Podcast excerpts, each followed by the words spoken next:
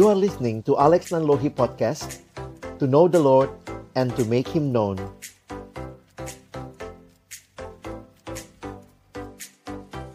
Mari sama-sama berdoa sebelum kita membaca merenungkan firman-Nya.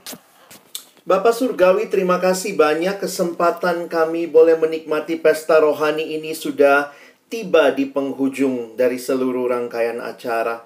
Kami sangat menyadari betapa Tuhan mengasihi siswa secara khusus di Rokris kami, di sekolah kami, di setiap kota yang kami hadir dan kami layani. Tuhan sekali lagi kami bersyukur karena kesempatan ini Tuhan boleh memperlengkapi kami baik dengan kebenaran firman-Mu dengan setiap skill yang kembali menolong kami juga bisa melayani semakin baik.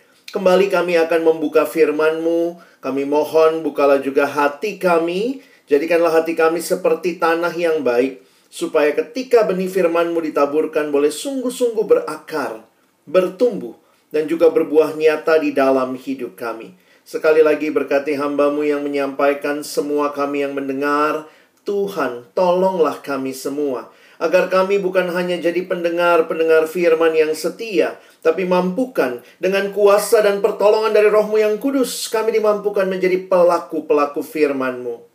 Di dalam hidup kami, di dalam masa muda kami. Bersabdalah ya Tuhan, kami anak-anakmu sedia mendengarnya. Di dalam satu nama yang kudus, nama yang berkuasa, nama Tuhan kami Yesus Kristus, kami menyerahkan pemberitaan firman-Mu. Amin. Shalom, selamat sore teman-teman sekalian. Masih semangat tentunya ya dengan bagian yang terakhir di uh, bagian sesi ini ya. Secara khusus kita akan melihat dari Hagai pasal yang kedua di bagian yang terakhir. Nah, Kak Alex coba share screen dulu. Saya sudah siapkan juga slide. Semua slide-nya nanti kalian bisa akses ya. Kalau mau belajar lagi, mau lihat-lihat lagi, silakan ya. Hari ini kita bicara dengan tema Set Your Heart to Build This Generation. Nah, di situ ada Lego. ada ada IG Kak Alex juga kalau kalian mau kontak, mau uh, sharing, mau ngobrol, kalau waktu saya pas silakan ya, bisa kontak, bisa juga saling kenal, saling mendoakan. Nah, hari ini kita akan melihat di dalam Hagai pasal yang kedua, kalau kemarin PA ya, kalian sudah belajar pasal 2 ayat 10 uh, sorry ayat 1 sampai 10 maksudnya. Hari ini kita akan melihat dalam pasal 2 ayat 11 sampai 24. Nah, itu berarti selesailah kitab Hagai yang cuma dua pasal ini. Nah, mari kita akan lihat sebagaimana yang kemarin Kak Alex kasih tahu sama kalian bahwa lihat ayat 11 ya. Pada tanggal 24 bulan yang ke-9 pada tahun yang kedua zaman Darius datanglah firman Tuhan kepada Nabi Hagai bunyinya. Lalu selanjutnya. Jadi lihat ya, di situ ada keterangan waktu. Masih ingat kemarin Kak Alex tunjukkan ya bahwa yang pasal pertama itu di bulan yang ke-6 tanggal 1. Nah, mereka lagi bangun nih karena akhirnya mereka kan langsung membangun begitu ya. Waktu lagi membangun, wah datang lagi tuh pasal 2 ayat 1 sampai 10 itu di bulan yang ketujuh tanggal 21. Jadi setelah sekian lama kemudian datanglah firman Tuhan lagi itu yang kalian PA-kan kemarin. Nah, hari ini dua ada dua firman Tuhan yang datang di tanggal dan hari yang sama, di bulan yang sama, di tanggal yang sama. Nah, itu yang pertama di ayat 11 sampai 20. Lalu nanti di pasal 2 ayat 21 sampai 24. Menarik ya, Tuhan itu berbicara kepada umatnya. Ketika mereka sedang membangun pun, Tuhan bukan hanya di awal, ayo bangun-bangun kembali baik uh, Allah gitu ya. Tetapi waktu mereka membangun pun terus Tuhan menyemangati, Tuhan mengingatkan mereka dan hari ini kita lihat lagi ya ada dua pesan lagi yang disampaikan di ayat 11 sampai 20, lalu nanti bagian kedua ayat 21 sampai ayat yang ke-24. Yuk kita lihat ayat yang ke-12-nya ya, masuk kepada firman-Nya. Beginilah firman Tuhan semesta alam itu. Tanyakanlah pengajaran kepada para imam. Andai kata seseorang membawa daging kudus dalam punca jubahnya, bajunya, lalu dengan puncahnya itu ia menyentuh roti atau sesuatu masakan atau anggur atau minyak atau sesuatu yang dapat dimakan. Menjadi kuduskah yang disentuh itu? Lalu para imam itu menjawab, katanya tidak. Berkatalah pula Hagai, jika seorang yang najis oleh mayat menyentuh semuanya ini, menjadi najiskah yang disentuh itu?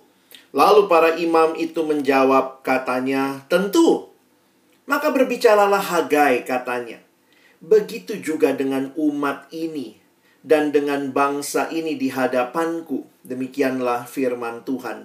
Dan dengan segala yang dibuat tangan mereka, dan yang dipersembahkan mereka di sana adalah najis. Maka sekarang, perhatikanlah mulai dari hari ini dan selanjutnya, sebelum ditaruh orang batu demi batu untuk pembangunan bait Tuhan, bagaimana keadaanmu?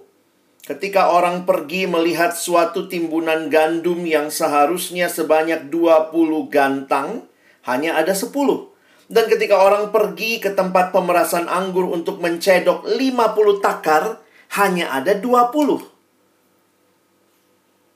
Aku telah memukul kamu dengan hama dan penyakit gandum dan segala yang dibuat tanganmu dengan hujan batu. Namun kamu tidak berbalik kepadaku. Demikianlah firman Tuhan. Perhatikanlah mulai dari hari ini dan selanjutnya Mulai dari hari yang ke-24 bulan ke-9. Mulai dari hari diletakkannya dasar bait Tuhan. Perhatikanlah.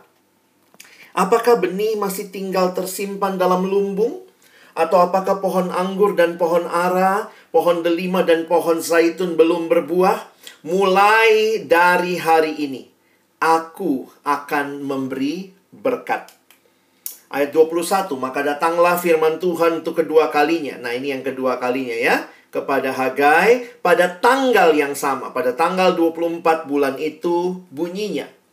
Katakanlah kepada Serubabel Bupati Yehuda, begini. Aku akan menggoncangkan langit dan bumi. Dan akan menunggang balikan tahta raja-raja Aku akan memunahkan kekuasaan kerajaan bangsa-bangsa dan akan menjungkir balikan kereta dan pengendaranya. Kuda dan pengendaranya akan mati rebah masing-masing oleh pedang temannya. Pada waktu itu, demikianlah firman Tuhan semesta alam. Aku akan mengambil engkau, hai Serubabel. Masih ingat Serubabel ya? Dia bupatinya Aku akan mengambil engkau, hai Serubabel bin Sealtiel, hambaku. Demikianlah firman Tuhan.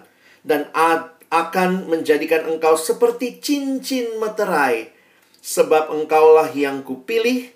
Demikianlah firman Tuhan semesta alam. Selesai kitab dua, dua pasal kitab Hagai. Dan uh, ini menarik ya, seperti yang Kak Alex bilang kemarin ini kurun waktunya empat bulan. Wah, Hagai bersedia dipakai Tuhan dalam empat bulan itu. Ketika dia mendengar dari Tuhan, Tuhan minta dia menyampaikan. Wow, singkat sekali waktunya. Tapi pesannya adalah pesan yang luar biasa penting yang menjadi satu bagian yang penting di dalam sejarah hidup umat Allah. Kadang-kadang kita mikir gini ya, ya ayalah Kak Alex, aku mah jadi pengurus Rokris apa, apa atuh gitu ya. Saya cuma jadi pengurus Rokris satu tahun. Mungkin gitu kali ya waktu kelas 1 nggak eh, kelas 10 belum jadi pengurus atau pas kelas 11 jadi pengurus cuma setahun eh udah siap-siap mau mau lulus-lulusan ya naik kelas 3 gitu ya, naik kelas 12. Jadi mungkin kamu berpikir, aduh kak saya tuh cuman satu bagian kecil dari seluruh perjalanan yang luas dan besar dari Rockris, dari pekerjaan Allah. Kadang-kadang kita ngerasa apa sih bagian gua gitu ya. Mungkin sangat-sangat simple, sangat-sangat kecil, tetapi ingat. Tuhan memakai seorang bernama Hagai hanya empat bulan kita nggak tahu lagi habis itu ceritanya Hagai seperti apa. Tetapi bagi saya menarik bahwa Hagai ini telah dipakai Tuhan di generasinya menyampaikan pesan ilahi yang penting supaya umat Allah kembali membangun bait Allah. Teman-teman, berapa lama sih jadi pengurus Rokris ya? Paling setahun, dua tahun kali ya maksimalnya. Biasanya kelas 12 sudah nggak megang gitu ya. Tapi maukah kamu dipakai Tuhan dalam waktu yang singkat ini untuk mendorong, membangun ya. Kalian nggak bangun baik Allah ya, bangun roh krismu begitu ya. Singkat sekali waktunya. Nah, Kalex ingin kita sama-sama melihat ya, apa sih yang kita baru baca ini. Supaya kalian bisa paham, saya bagi dua ya, sesuai dengan yang tadi kita lihat. Maka ini masih terjadi di tahun kedua zaman Darius. Perhatikan ayat 10, ayat 11 sampai ayat 20 di bulan yang ke-9. Nah, kalian bisa melihat ini percakapan dengan para imam. Jadi yang pertama tadi percakapan dengan para imam, yang kedua itu firman Tuhan kepada Serubabel. Itu kurang inya ya, typo ya. Firman Tuhan kepada Serubabel. Nah, teman-teman lihat. Apa sih intinya ini kalau kita belajar Alkitab, kalian harap kalian bisa baca dengan jelas tarik intinya ya. Apa inti dari pasal 2 ayat 11 sampai 20? Apa inti percakapan dengan para imam?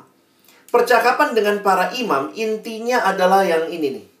Consider your ways, pertimbangkan, pikirkan apa jalan yang kamu pilih. Apakah itu jalan kekudusan, atau kenajisan. Holiness or defilement. Jadi, kekudusan atau kenajisan. Nah, kita coba bedah ya ayat 11 sampai ayat 20. Jadi sebenarnya kalau kalian lihat ini kan khusus bagi para imam. Jadi kayak uh, Hagai disuruh sama Tuhan tanya tuh sama imam. Dan menarik sekali, imam itu yang ahli tentang hal-hal yang kudus. Makanya pertanyaan yang disuruh tanya kepada imam juga, ini pertanyaan mengenai kekudusan ritual. Kalau kalian tahu orang Israel itu kan banyak banget ritualnya begitu ya. Dan itu yang paling menguasai itu imam. Makanya Alex menulis begini ya. Contoh yang diberikan dalam bagian ini memperjelas bahwa kekudusan tidak akan menular pada orang lain. Tetapi ke kenajisanlah yang akan menular. Maksudnya apa sih kak? Coba lihat lagi contohnya. Ketika Hagai bertanya kepada imam, Hagai kan disuruh Tuhan, coba tanya sama imam. Nah, dia tanya nih. Tanyakanlah pengajaran kepada para imam. Apa yang ditanya ayat 13? Andai kata seorang membawa daging kudus, jadi daging kudus dalam punca jubahnya, lalu dengan puncanya itu menyentuh roti atau sesuatu masakan atau anggur atau minyak atau sesuatu yang dapat dimakan, menjadi kuduskah yang disentuh itu? Kalau dia bawa sesuatu yang kudus, waktu disentuhkan apakah menjadi kudus? Imam aja langsung tahu, tidak. Wow, menarik nih. Jadi lihat ya, kekudusan tidak akan menular. Kekudusan itu nggak menular. Tetapi dalam tradisinya Yahudi, kenajisan itu menular. Nah, coba lihat ayatnya ya. Jadi waktu mereka udah jawab tidak, kekudusan itu nggak menular, ditanya lagi nih. Berkatalah pula Hagai, jika seorang menyentuh ya, jika seorang yang najis oleh mayat, jadi sudah menyentuh mayat, lalu orang itu yang menyentuh semua itu, menjadi najiskah yang disentuh? Imam-imam langsung jawab, tentu. Wow. Apa sih maksudnya? Kenajisan itu dalam sistem agama Yahudi, nah ini mohon maaf ya, mirip seperti saudara kita kalau sudah misalnya ambil air wudhu, nyentuh langsung jadi nggak kudus juga begitu ya. Itu langsung dianggap harus melakukan ulang. Nah, orang Yahudi itu punya ritual seperti itu juga. Jadi seorang kalau sudah ada mayat, dia najis karena dia sentuh mayat. Waktu dia sentuh yang lain, langsung yang disentuh juga jadi nggak kudus. Ketidakkudusan, kenajisan itu menular. Lalu lihat ayat 15. Ini Hagai bilang begini ya. Maka berbicaralah Hagai katanya, begitu juga dengan umat ini dan dengan bangsa ini di hadapanku. Demikianlah firman Tuhan dan dengan segala yang dibuat tangan mereka dan yang dipersembahkan mereka di sana adalah najis. Kalau kesimpulannya ayat 15 yang mereka persembahkan najis. Mereka kan lagi bangun rumah Tuhan. Kalau itu jadi najis, berarti yang najis siapanya? Diri mereka. Nah, jadi sebenarnya ini pesannya mau bilang apa sih? Pesannya cuma mau bilang begini. Kalau kamu lagi bangun bait Allah ini, jagalah hidupmu kudus. Karena kalau kamu tidak kudus, kamu bangun bait Allah ini, kamu pegang batunya, kamu pegang ka, itu itu jadi najis berarti itu sesuatu yang terjadi dalam diri terlebih dahulu. Di sini penting sekali membangun kekudusan. Teman-teman, kekudusan jadi barang langka belakangan ini. Karena rasanya seenaknya saja di hadapan Tuhan. Dan itu juga ya, Kak Alex juga bergumul dengan kekudusan tidak mudah ya. Kadang-kadang jatuh lagi dalam ketidakkudusan, bangkit lagi, sadar Tuhan tidak boleh seperti ini. Nah, sering kali yang muncul dalam benaknya begini. Saya kan lagi bangun bait suci. Karena baitnya suci, baitnya kudus. Waktu saya bangun itu, saya jadi ikutan kudus. Nah, ini sebenarnya poinnya. Bait kudus, bait suci yang kamu bangun, tidak otomatis bikin kamu suci. Tetapi, ketika kamunya tidak suci, kamu pegang batunya bait suci, itu pun jadi nggak kudus. Karena apa? Masalah utamanya di kenajisan dirimu. Bisa paham? Banyak orang berpikir waktu dia bangun bait suci, dia otomatis ikutan suci. Enggak, teman-teman ya. Karena kesucian itu enggak menular kata kata tadi kalimatnya uh, penjelasan saya ya. Nah, makanya coba lihat ya. Nah, ini Kak Alex kasih penjelasan begini. Umat Israel perlu memahami bahwa kegiatan mereka di bait suci tidak akan menghapus dosa mereka. Hanya pertobatan dan ketaatan yang bisa melakukan itu. Oh, jangan merasa saya kan pengurus rock Chris. Tadi malam nonton film porno, paginya pasti udah diputihkan. Kalau kamu tidak ada pertobatan, kamu tidak ada ketaatan, maka sebenarnya mau melakukan pekerjaan pelayanan yang paling hebat sekalipun, cuci kaki Yesus. Wih, saya cuci kaki Yesus, saya nyentuh Yesus. Oh, saya jadi ikutan kudus. Enggak, teman-teman. Itu yang Hagai ingatkan melalui pesan Tuhan, disuruh tanya sama imam, orang yang mengerti hukum. Kalau sentuh benda yang kudus, disentuh, apakah yang lain jadi kudus? Tidak. Tapi kalau yang tidak kudus menyentuh yang lain, semua jadi tidak kudus. Jadi hidup kudus hanya akan datang ketika kita hidup dipenuhi dan dipimpin oleh Roh Kudus. Nah, ini penting nih kita hayati ya. Wow, pesannya apa? bangunlah bait Allah yang kudus itu dengan hidupmu yang kudus. Dan ingat, jangan merasa puas seolah-olah kalau sudah bangun bait suci, otomatis jadi suci. Wah, saya pelayanan nih, jadi MC. Uh, hebat. Maka, walaupun saya lagi begini, begini, begini, oh Tuhan otomatis bersihkan. Enggak, teman-teman ya. Jangan merasa atau berpikir seperti itu. Nah, jadi memang menarik sekali ya bagaimana jalan yang diperhadapkan oleh Hagai bahwa ini harus dibangun dengan kekudusan. Dan apa yang mereka mulai itu sangat indah ya. Kita lihat ayat berikutnya ya. Alex pengen sekali kalian ngerti ayat-ayat yang penting ini ya. Nah, lihat ini apa yang terjadi sebelum pembangunan dimulai. Jadi sebelum pembangunan dimulai, masih ingat kemarin berarti mereka tidak taat. Sebelum pembangunan dimulai, mereka tidak taat. Apa yang terjadi? Perhatikan ayat 16. Maka sekarang, perhatikanlah mulai dari hari ini dan selanjutnya.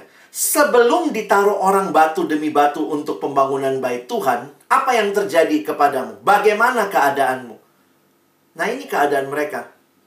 Ketika orang pergi melihat satu timbunan gandum, seharusnya 20 gantang, hanya ada 10. Masih ingat kemarin ya? Kayak ngisi karung bocor ya Ah, diingatin lagi sama Tuhan. Waktu kamu belum bangun baik Tuhan, ini nih keadaanmu. 50% itu hilang apa yang sebenarnya harusnya kamu dapat ya. Lihat itu. Harusnya 20 gantang, cuma 10. Dan ketika orang pergi ke tempat pemerasan anggur untuk mencedok harusnya ada 50 takar. Eh, cuma ada 20. Ini menunjukkan bahwa ketidaktaatan membawa Tuhan juga memberikan kepada mereka terbatas. Ini hukuman ya sebenarnya ya. Sehingga harusnya yang dia dapat mereka tidak dapat. Karena ketidaktaatan. Perhatikan ayat 18. Aku telah memukul kamu dengan hama dan penyakit gandum dan segala yang dibuat tanganmu dengan hujan batu. Namun kamu tidak berbalik kepadaku. Nah itu kondisi sebelum pembangunan dimulai. Tapi masih ingat kemarin ya? Waktu diberitakan oleh Hagai, langsung mereka bertobat, mereka berbalik. Maka diingatkan lagi. Sekarang ayat ini 16 sampai 18 ya. Sekarang ayat 19. Ayo lihat ayat 19. Setelah pembangunan dimulai, apa yang terjadi? Nah, lihat ayat 19 ya. Perhatikanlah mulai dari hari ini dan selanjutnya. Mulai dari hari yang ke-24 bulan ke-9. Mulai dari hari diletakkannya dasar bait Tuhan. Apa yang terjadi? Perhatikanlah. Apakah benih masih tinggal tersimpan dalam lumbung?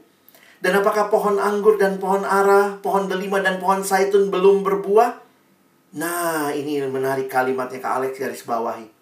Mulai dari hari ini, aku akan memberi berkat. Teman-teman, kalau tadinya berkat Tuhan tahan karena tidak taat, maka ketika mulai taat, baru letakkan dasar, belum jadi loh bait susinya ya, baru letakkan dasar. Di waktu itu, Tuhan akan memberi berkat. Wow, saya waktu renungkan ini Tuhan, inilah ketaatan itu membawa berkat. Saya bukan berkata bahwa kalau teman-teman diberkati Tuhan selalu bentuknya adalah kesuksesan, kemewahan. Banyak orang ikut Tuhan itu dengan penderitaan. Itu juga berkat. Berkat yang dikatakan di Filipi 1 ayat 29. Anugerah ketika harus menderita. Jadi kalau kalian perhatikan baik-baik, di tengah-tengah situasi yang sulit, Tuhan memanggil kita tetap taat. Dan ketaatan itu mendatangkan berkat. Tidak seperti berkat yang mungkin dunia tawarkan. Tetapi berkat terbesar adalah kehadiran Tuhan. Mulai hari ini aku akan memberi berkat.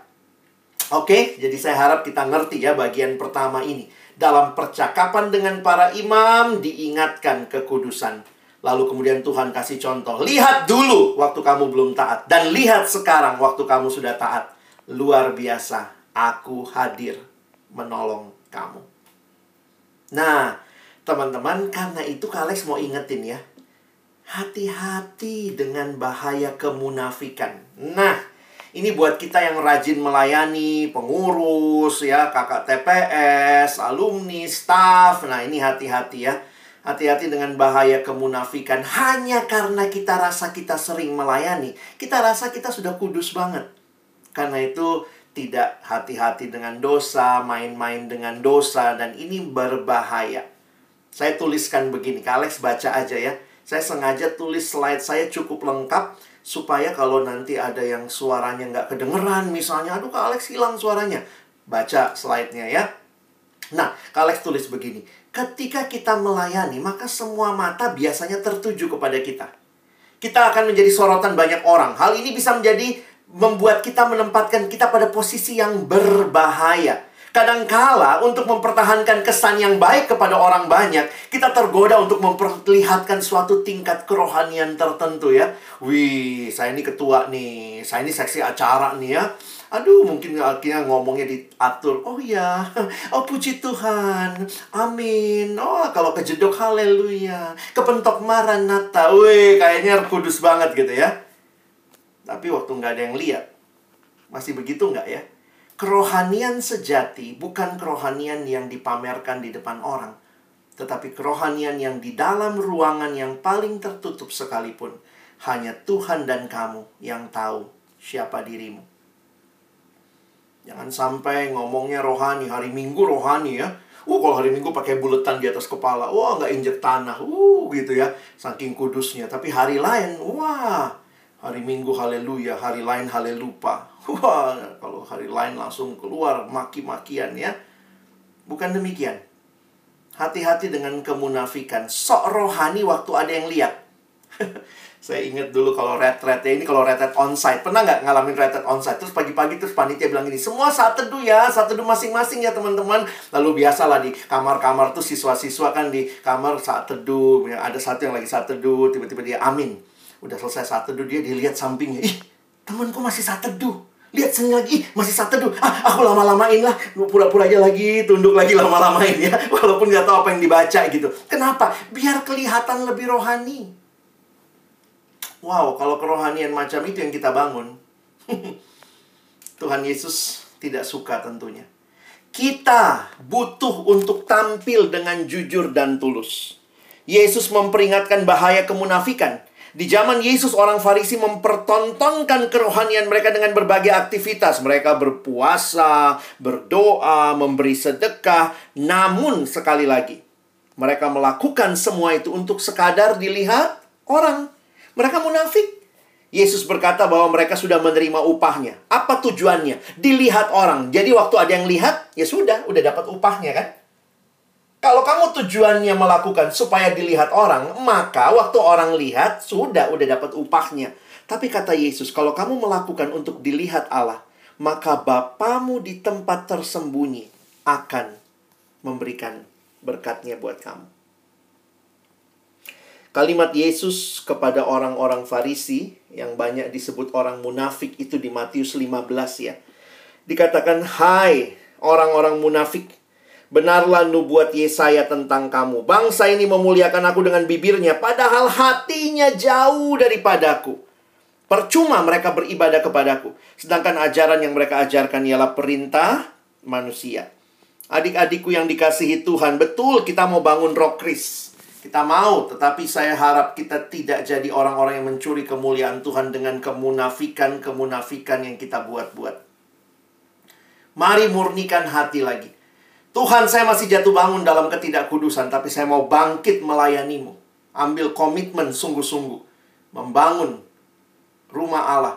Membangun pelayanan Allah dengan hidup yang kudus. Kepada murid-muridnya, Tuhan Yesus mengajarkan tentang bagaimana membangun kerohanian yang tulus secara pribadi.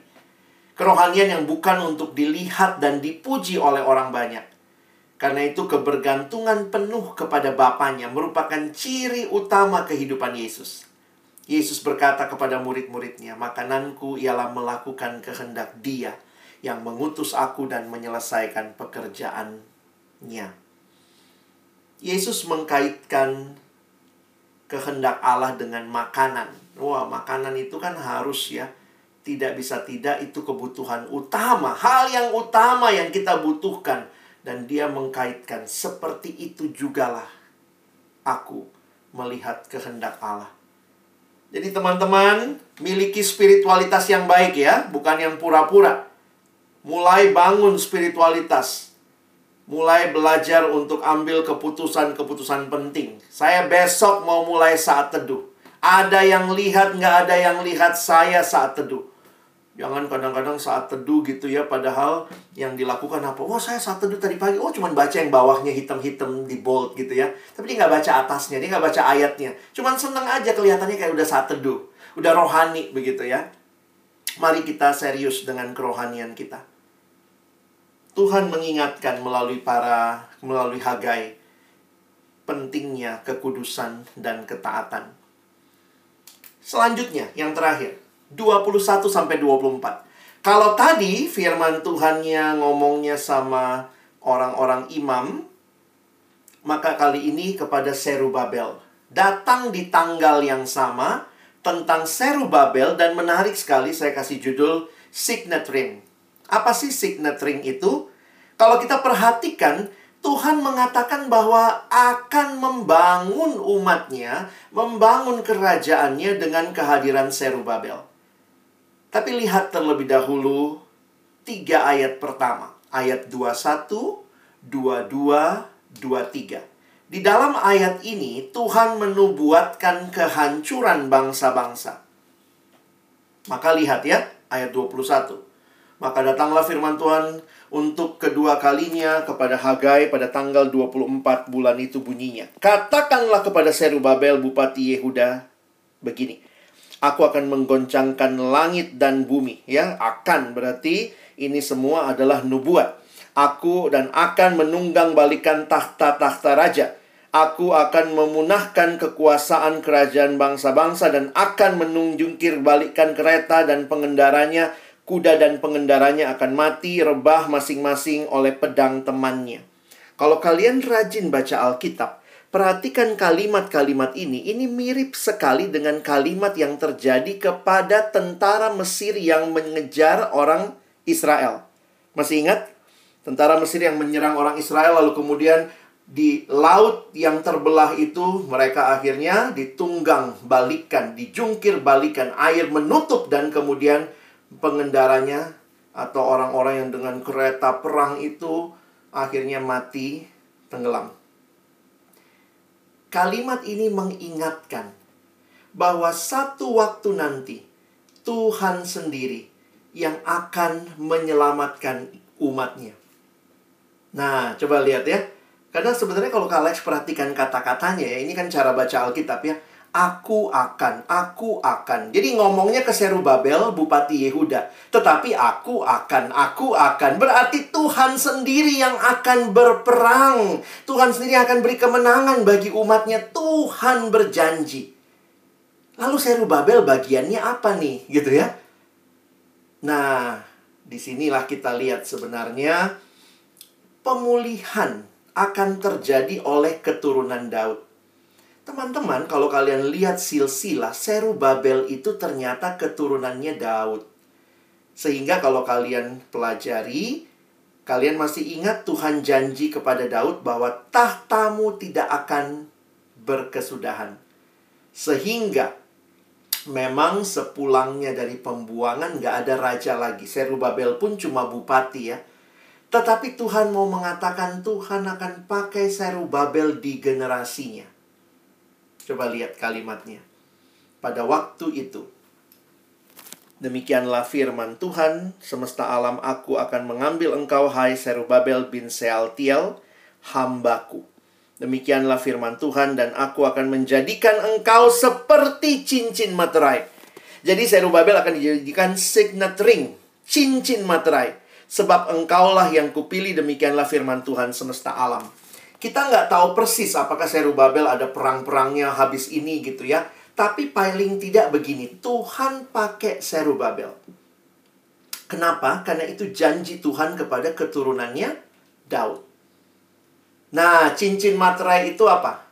Signet ring itu apa? Nah, ini gambarnya ya. Kalau kalian cari, itu signet ring itu ya mirip seperti itu. Cincin yang ada ukirannya begitu, yang agak kayak bisa diembos gitu ya. Nah, pada masa itu, cincin materai itu apa? Sebuah cincin materai digunakan untuk menjamin otoritas dan keaslian surat misalnya. Jadi ini seperti berfungsi seperti tanda tangan kalau ditekan dengan lilin lembut pada dokumen tertulis, nah itu kayak ini ya, pernah lihat ya yang kayak kita uh, warna merah itu lilin ini terus kita tes gitu ya. Nah, jadi poinnya apa? Serubabel akan menjalankan otoritas Tuhan. Dialah yang dipilih Tuhan. Tapi memang kita nggak tahu yang tadi Kak Alex bilang kita nggak tahu persisnya apa yang Serubabel lakukan karena kitabnya berhenti sampai di pasal 2 ayat 24. Tetapi Allah yang berjanji, dia teruskan janji itu. Karena itu Allah menegaskan kembali dan menjamin janjinya tentang Mesias melalui keturunan Daud. Memang kalau pada akhirnya kita lihat ke bawah, pada akhirnya Yesuslah yang dipakai oleh Tuhan untuk menggenapkan rencananya yang agung. Serubabel di zamannya, tetapi itu digenapkan dalam Yesus. Nah, ini menarik untuk kita perhatikan bahwa surat ini atau sorry, kitab ini membawa kita untuk melihat ya bagaimana Tuhan membangun umatnya. Kita sudah belajar tiga hal ya. Set your heart to do my will. Hari pertama kemarin, sesi satu, kita belajar apa? Kita belajar bagaimana memprioritaskan Tuhan. Kemarin dalam PA, kita belajar apa? Kita belajar bagaimana menikmati penyertaan Tuhan, mengalami penyertaan Tuhan. Set your heart for I am with you. Dan hari ini, set your heart to build this generation kita belajar bagaimana hidup dan melayani dalam kekudusan. Nah, kalau mau screenshot segera ya. Inilah kesimpulan dari sesi-sesi kita. Ini yang dibutuhkan kalau teman-teman juga mau bangun rokris. Prioritaskan Tuhan, alami penyertaan Tuhan meskipun situasi sulit, dan mari lakukan itu di dalam kekudusan di dalam ketaatan, di dalam keyakinan. Sebagaimana Serubabel dikatakan aku memilih engkau. Kau juga yakin ya, memang kita bukan Mesias ya, kita bukan keturunan Daud, tapi di generasi ini Tuhan panggil engkau dan saya. Tuhan juga berkata, aku memilih engkau. Teman-teman banyak orang yang mungkin tidak bisa ikut KKSJ, kenapa kamu yang ikut ya? banyak orang di sekolah kita, tapi kenapa kamu yang pengurus ya? Kenapa kamu yang anak rokris ya? Apa sih rencana Tuhan ya? Nah, Kak Alex menuliskan beberapa kesimpulan ini. Saat ini kita tidak dipanggil, sedang kita tidak dipanggil atau untuk membangun suatu bangunan fisik. Tapi kita dipanggil untuk membangun suatu generasi yang kita persembahkan kepada Allah. Teman-teman, kamu dipanggil untuk membawa generasimu, mempersembahkan mereka kepada Allah. Kita udah belajar kemarin kali ya, bagaimana kondisi generasi ini. Waduh, generasi ini seperti apa. Tapi Kak cuma mau ingatkan begini, bahwa berbagai kondisi yang ada, sebenarnya ini membuat kita jadi semakin sadar ya, betapa generasi ini butuh Tuhan. Saya nggak tahu apa yang kamu lihat dari generasimu, apa yang kamu yakini, apa yang kamu perhatikan. Tetapi ada beberapa data survei yang saya lihat dikeluarkan tahun ini dan ini survei dilakukan kepada gereja Tuhan termasuk juga orang muda. Ya, coba lihat beberapa data ini. Kak Alex coba tunjukkan ya. Nah, coba bayangkan kalau generasimu mengalami ini atau ada yang seperti ini, coba lihat datanya. Ini surveinya bilangan research awal tahun ini. Dia tuliskan begini, satu dari tiga anak muda Kristen Indonesia menganggap bahwa semua agama menyembah Tuhan yang sama.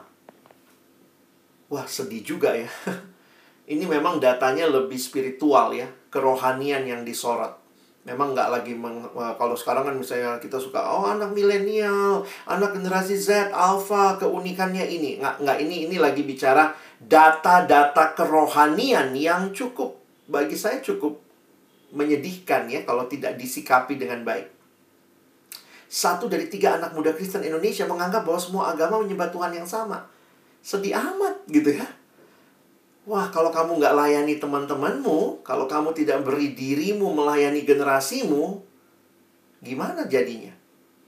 Data lain, satu dari tiga anak Kristen Indonesia menganggap bahwa perbuatan baik saja dapat menyelamatkan. Apa bedanya dengan agama lain? Yang menyelamatkan bukan Yesusnya, perbuatan baiknya. Oh, kalau begitu siapa juru selamatnya? Dirimu. Kalau kamu selamat karena perbuatan baikmu, kamu juru selamatnya. Tapi karena kamu tidak bisa menyelamatkan dan Yesus datang, dia juru selamatnya. Simple sebenarnya. Kalau rokris-rokris tidak memberitakan Yesus yang menyelamatkan, sedih banget anak mudanya kayak begini. Ada lagi data. Ini orang Kristen ini ya, anak muda lagi satu dari empat anak muda Kristen Indonesia mendukung pernikahan beda agama. Please. Sedih amat gitu ya. Ah, sama aja. Kita mah Tuhan tuh sama aja, Kak. Yang beda rumah ibadahnya. Hey.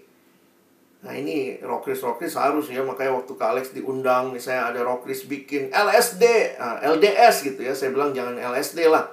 Love, sex, marriage gitu ya. Love, sex, dating abis nge abis love nge-sex gitu ya saya bilang seksnya taruh belakang ya Love, Dating, Sex gitu ya. Supaya mengerti ada tema itu di Rokris. Kenapa? Banyak teman kami kak pacaran beda agama. Aduh sedih amat. Kalau Rokris nggak ada bayangkan deh. Coba bayangkan teman-teman. Kalau Rokris nggak ada. Mau jadi apa anak muda? Atau sisi yang lain nih. Rokris ada tapi nggak ada pengurusnya. gimana tuh?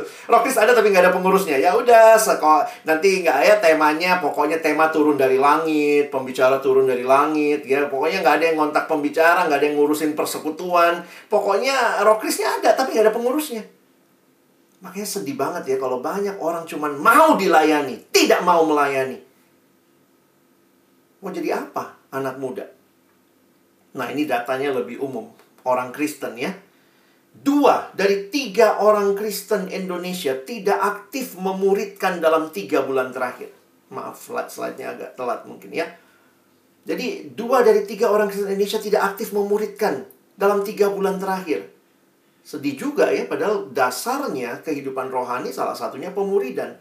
Makanya kalau kami memperjuangkan kakak-kakak TPS, ayo deh kita KTB kelompok kecil, kita pipa. Wah ini satu hal yang penting teman-teman satu dari dua orang Kristen Indonesia tidak aktif memberitakan Injil kepada orang lain dalam tiga bulan terakhir. Termasuk anak mudanya berarti ya. Kalau ketemu dua orang, satunya pasti nggak aktif memberitakan Injil. Kira-kira gitu ya. Wah, bagaimana kita membawa terang Tuhan bagi generasi ini kalau kita tidak juga melihat pentingnya memberitakan Injil. Makanya kami rindu ya lewat KKSJ ini kalian dilatih, kalian didorong. Punya apa? Punya Instagram pakai untuk menjadi berkat. Gimana bangun relasi? Itu penting untuk membangun generasi ini. Lihat lagi kondisinya ya. Satu dari lima orang Kristen Indonesia menganggap bahwa penginjilan pada teman adalah hal yang nggak baik. Wah itu merusak relasi, nggak boleh gitu ya. Nggak perlu gitu. Sedih amat. Tapi di tengah-tengah kekecewaan terhadap kondisi-kondisi ini, saya tetap melihat kok ya, Tuhan mengasihi generasi ini. Ini generasi yang cerdas, yang kreatif, yang luar biasa, punya banyak talenta, teman-teman. Kita sering kali bilang, wah ini generasi intelektual. Kerinduannya apa? Melihat mereka. Student today, leader tomorrow. Wah, ini kerinduannya. Saya tetap meyakini ya, makanya Kak Alex melayani siswa, Bang Riko melayani siswa, kakak-kakak TPS kita layani siswa. Karena kita punya keyakinan student today, leader tomorrow. Mau lihat apa gambaran bangsa kita 10-15 tahun ke depan, lihat anak mudanya. Lihat siswanya. Mau lihat pelayanan gereja 10-15 tahun ke depan, lihat anak mudanya. Lihat siswanya. Sekarang itu seperti apa. Kalau tidak dilayani, wah, tapi saya belakangan mulai agak bertobat juga ya karena kayaknya kalau cuman student today leader tomorrow makanya Kak Alex agak sedikit garis tuh ya. Jangan cuman student today leader tomorrow. Tomorrow-nya itu seolah-olah besok jadi pemimpinnya. No. Saya pikir kalian adalah generasi yang bisa jadi pemimpin start from today. Student today. Leader start from today. Teman-teman, karena itulah ada KKSJ Kenapa? Kami meyakini kepemimpinan siswa itu bukan nanti, tapi mulai dari sekarang. Kalian dilatih jadi pemimpin, jadi pengurus di Rokris, jadi orang-orang yang punya beban bagi bangsa ini, bagi generasimu. Bangun generasimu. Hai teman-teman siswa, teman-teman TPS, Bapak Ibu guru, kakak-kakak staf, saya meyakini dalam persiapan saya. Bangun siswa kita sedang membangun Indonesia. Kalau kita tidak kerjakan ini, kalau masa online aja bikin kita malas, masa online bikin kita surut, udah nggak semangat melayani, mau jadi apa pelayanan kita? Mau jadi apa siswa ke depan? Mau jadi apa Indonesia? Hagai dipanggil Tuhan di generasinya dalam video yang ditulis atau dibuat oleh Bible Project nanti kalian bisa lihat ya. Di akhir dari penjelasan kitab Hagai dia menulis begini. Ini tantangan Hagai di generasinya ya. Tantangan Hagai buat kita.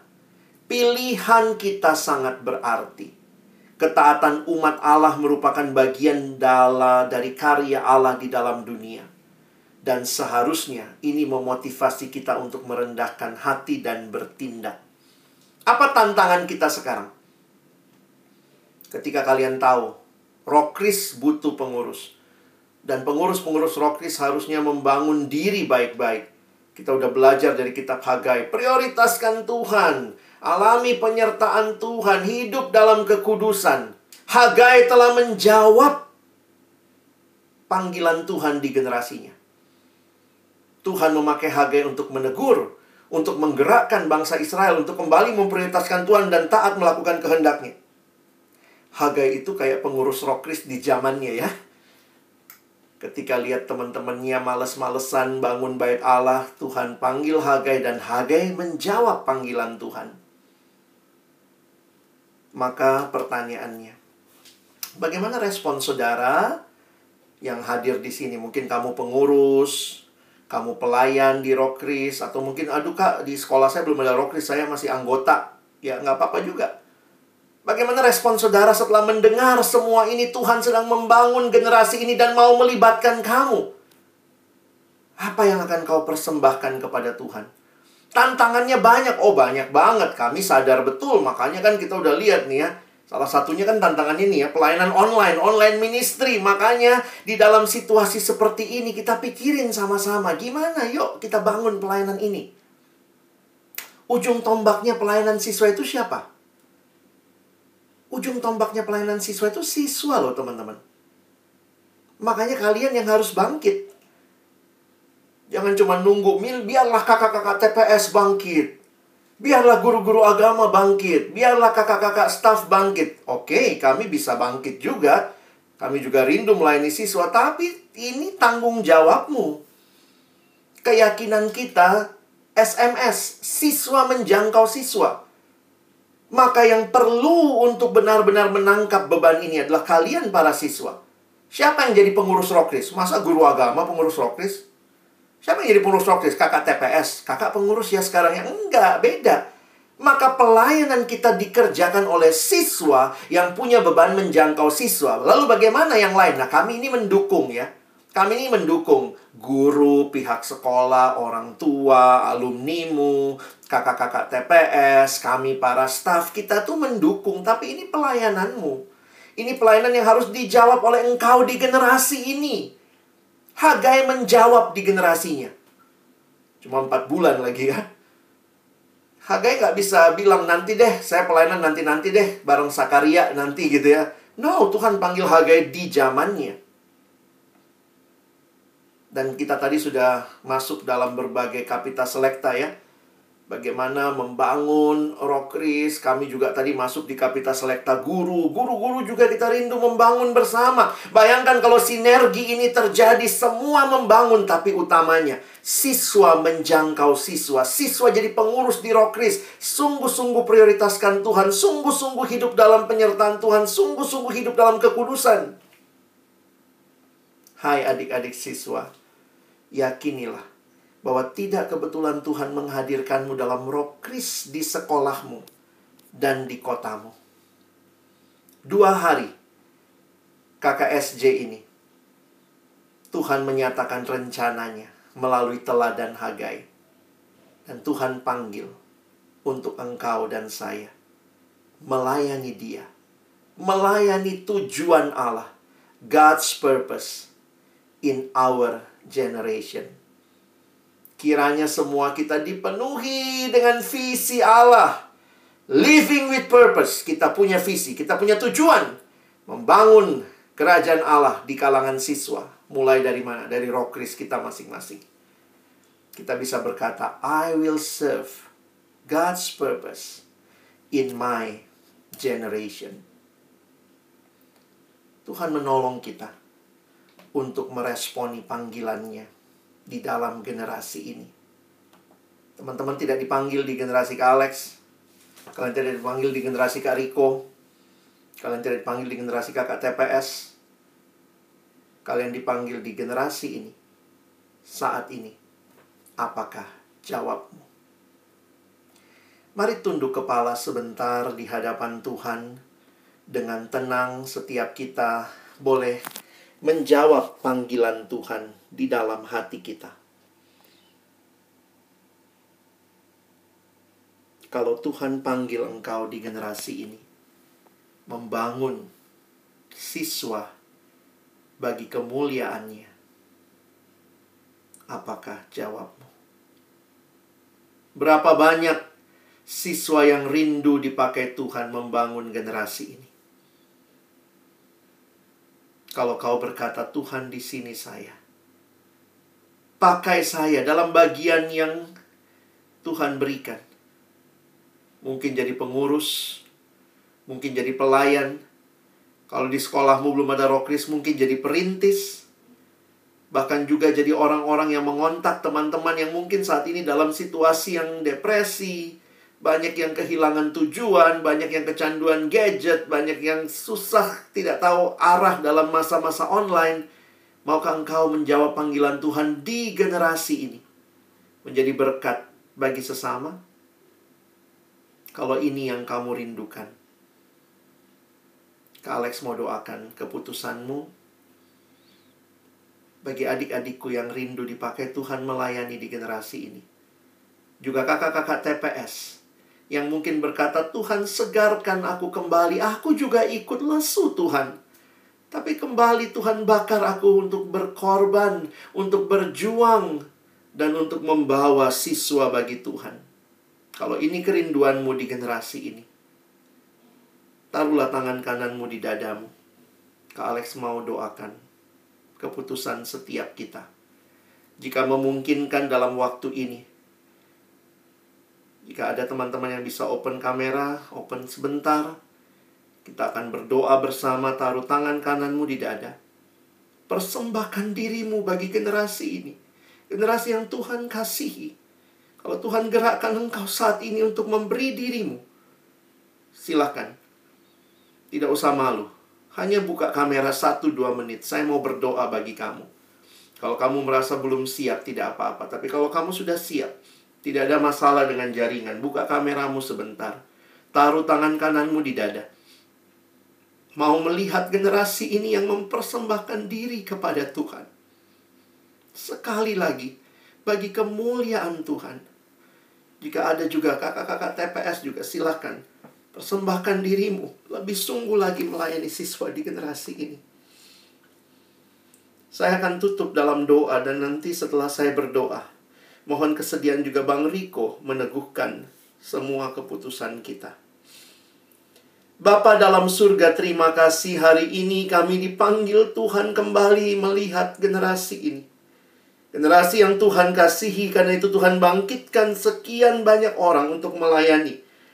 Dan kami rindu Tuhan KKSJ ini kembali menjadi fondasi dasar untuk kami membangun kegerakan yang lebih baik lagi bagi kemuliaan Tuhan.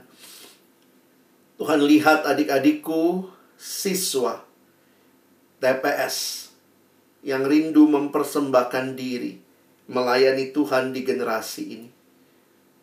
Pakailah kami memprioritaskan Engkau. Pakailah kami mengalami penyertaanmu yang nyata, yang sungguh memberi sukacita itu. Dan pakailah kami yang hidup dalam kekudusan, berjuang untuk hidup dalam kekudusan bagimulah kemuliaan. Ini diri kami. Dalam nama Yesus kami berdoa.